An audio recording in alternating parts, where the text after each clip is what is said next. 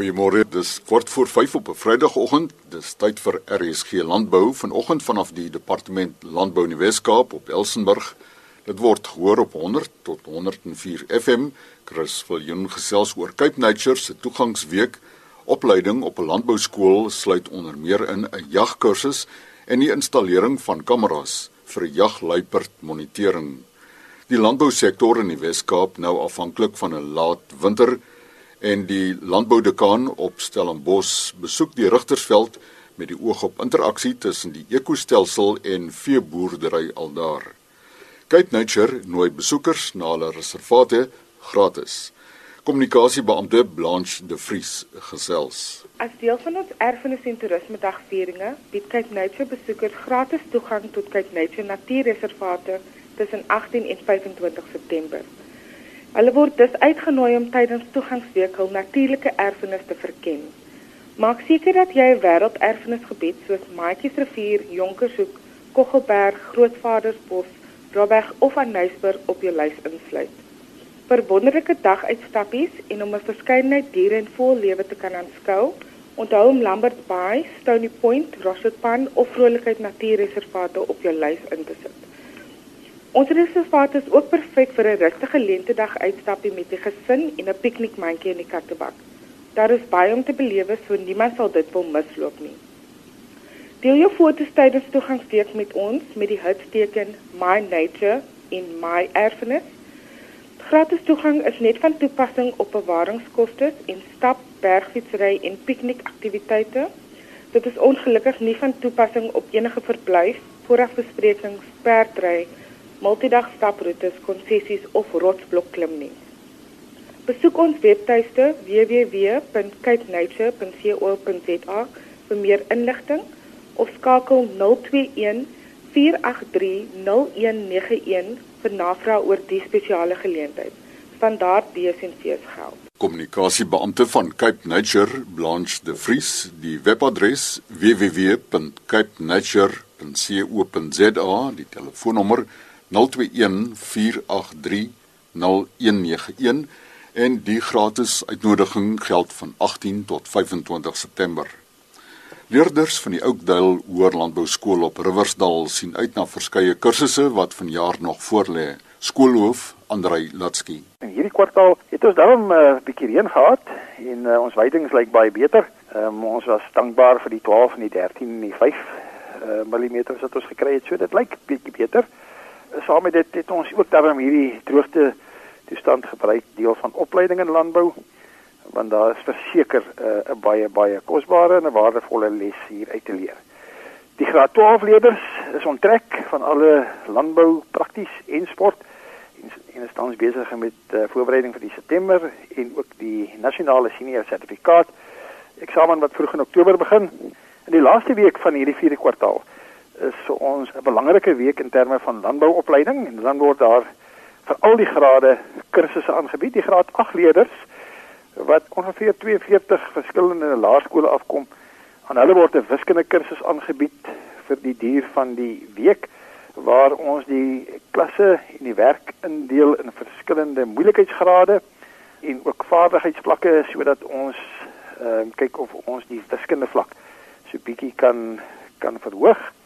Die graad 9s, hulle woon 'n jagkursus by waar hulle vir 3 dae dan nou die veiligheidsmaatreëls, die onderdele van 'n geweer hanteer en dan vir 'n vir 'n dag gaan hulle uit na die skietbaan toe. Hulle ehm uh, miskien 'n paar skote op teiken van 'n springbok met dan by 22 en dan ook met 'n jaggeweer.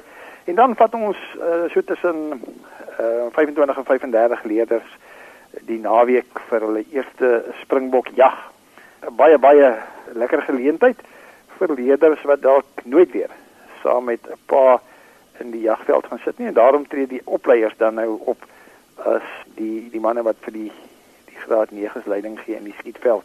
Die graad 10s, hulle woon 'n bioskool by waar hulle onder andere kameras installeer vir die monitering van jagluiperd uh, beweging. Baie baie opwindende en interessante kursus bied ook 'n vleisbeeskursus aan en dan vir jaar vir die eerste keer Ook vir die graad 10 manne wat rekeningkunde neem, bied ons 'n finansiële bestuurskursus aan. Die kursus word aangebied deur Boshoff en Visser. Die graad 11, hulle woon in Skaap en wolkursus by aangebied deur BKB. Ook 'n suiwelkursus wat onder andere kunsmatige inseminasie insluit, geborg deur Exceed en dan die graad 11 finansiële manne, die manne wat rekeningkunde neem, woon ook 'n finansiële bestuurskursus by deur Boshoff en Visser. Dit behels nou beleggings, huurkoop, kontraktering, al die aspekte wat so belangrik is in die bestuur van 'n boerdery. En dan die laaste kursus vir die graad 11 is ook 'n wildlewe en bestuurskursus. Vir jaar word daar 'n bietjie aandag gegee aan die bepaling van draagkrag met die met 'n gerekenariseerde program. En hierdie draagkrag word bepaal vir skape, bees en uh, dan nou ook wild. So baie opwindende kwartaal die daarstelling van kwaliteit landbouonderrig by die Hoër Landbouskool Oudtshoorn. Ehm um, en dit is ook ons missie en ons visie om te alle tye aan landbou en uh, goeie dienste lewer.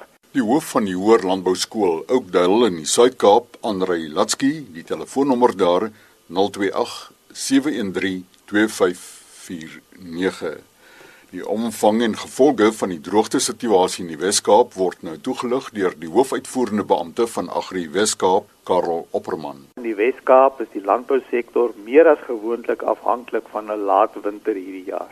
Ons landbouekonomie is as gevolg van kritiese watertekorte onder geweldige druk en veral ons graanprodusente hoop op reën tot nog laat in September. Met die uitsondering van die gebied rondom die Kaapse metropool waar die koring na onlangse reën goed daar uitsien en waar die canola wat aanvanklik gesukkel het effens aan herstel is, is die graan in al die ander gebiede tussen 'n maand en 'n half en 2 maande agter. Die koring in die Swartland is in hierdie stadium kort en dun en daar gaan beslis geen riemateriaal vir die volgende jaar wees nie. Die canola in die gebied het vanjaar baie gesukkel en op baie lande is dit doodgespuit en met koring herplant. Die Swellendam gebied lyk nou soos wat dit reeds in Mei maand moes gelyk het, met die koring wat kniehoogte staan waar ons dit eintlik nou al heuphoogte sou wou gesien het. In die ou taal is die Caledon gebied 4 duim agter wat reënval aanbetref of so wat 100 mm op hulle gemiddelde syfer. Christie Rooi Karoo is krities droog en sekere lande gaan vir jaar geen oes lewer nie. Die koring staan maar enkel hoogte en die gebied gaan binne die volgende 2 weke minstens 20 mm reën moet kry vir 'n redelike oes. Dis veral die gebied tussen Porteville, Piketberg, Eendekuil omgewing waar die koring baie swaar trek. Vir ons vrugte en groente produsente lyk die prentjie nie veel anders nie. In die Ceres en Koue Bokkeveld gebied is geen aardappels vanjaar geplant nie omdat water nie beskikbaar is nie. Slegs 'n derde van die gewoonlike 3000 hektaar eie is vanjaar geplant met die min beskikbare water moet vrugteprodusente nou besluit watter boorde om aan die gang te hou en dit lyk of 50% van die vrugte in die geslag gaan bly. Produsente se waterverbruik is al vir maande geweldig ingeperk en met die damsyfers wat soos dit nou staan, kan dit lei tot 100% waterbeperkings vir landboudoeleindes in die gebiede soos Veyebom, Verliertop, Bobergrivier en dele van die Suid-Kaap. Chris, ons is ook steeds genoodsaak om droogtehulp te lewer aan ons veeprodusente in die rampgebiede. Ek versoek graag dat die luisteraars Agri Weskaap se Facebook bladsy besoek om te sien hoe hulle ons hier kan bystaan. Ons het werklik finansiële hulp nodig om voer aangery te kry. En dan wil ek byvoeg vir die metropool. Hulle is besig om te beplan vir day 0. Landbou is in day 0 help ons om uit day 0 te kom terwyl hele plan om 0 te vermy. Die hoofuitvoerende beampte van Agri Weskaap, Karel Opperman, besonderhede van AWK op die webtuiste www.growinggreatness.co.za of telefoonnommer 021 860 3802. Ry vanaf Springbok oor Steenkop na Port Nolloth en die Oranje rivier aan jou westerkant lê die Rigtersveld. En dit is waarvandaan professor Dani Brink, dekaan van die fakulteit Agriwetenskappe aan die Universiteit van Stellenbosch, sopas teruggekeer het. Ek het natuurlik opgery deur die Olifantsrivier en gesien hoe laag ons damme is, maar ook gesien hoe hoog en uitstaande ons landboukundige aktiwiteite in daai area is en mense vertrou dat ons die seisoen sal kan deurtrek as dit ook kom by besproeiingswater. Dit is bemoedigend geweest om te sien dat die damprojek, die verhoging of vergroting van die Ken William dam nou uiteindelik ook begin operasioneel aktief raak. En verder op deur na Makoland, ehm um, eers die teleurstelling dat 'n mens nie by Van Rensdorp met 'n plaas gousblomme verwelkom word nie.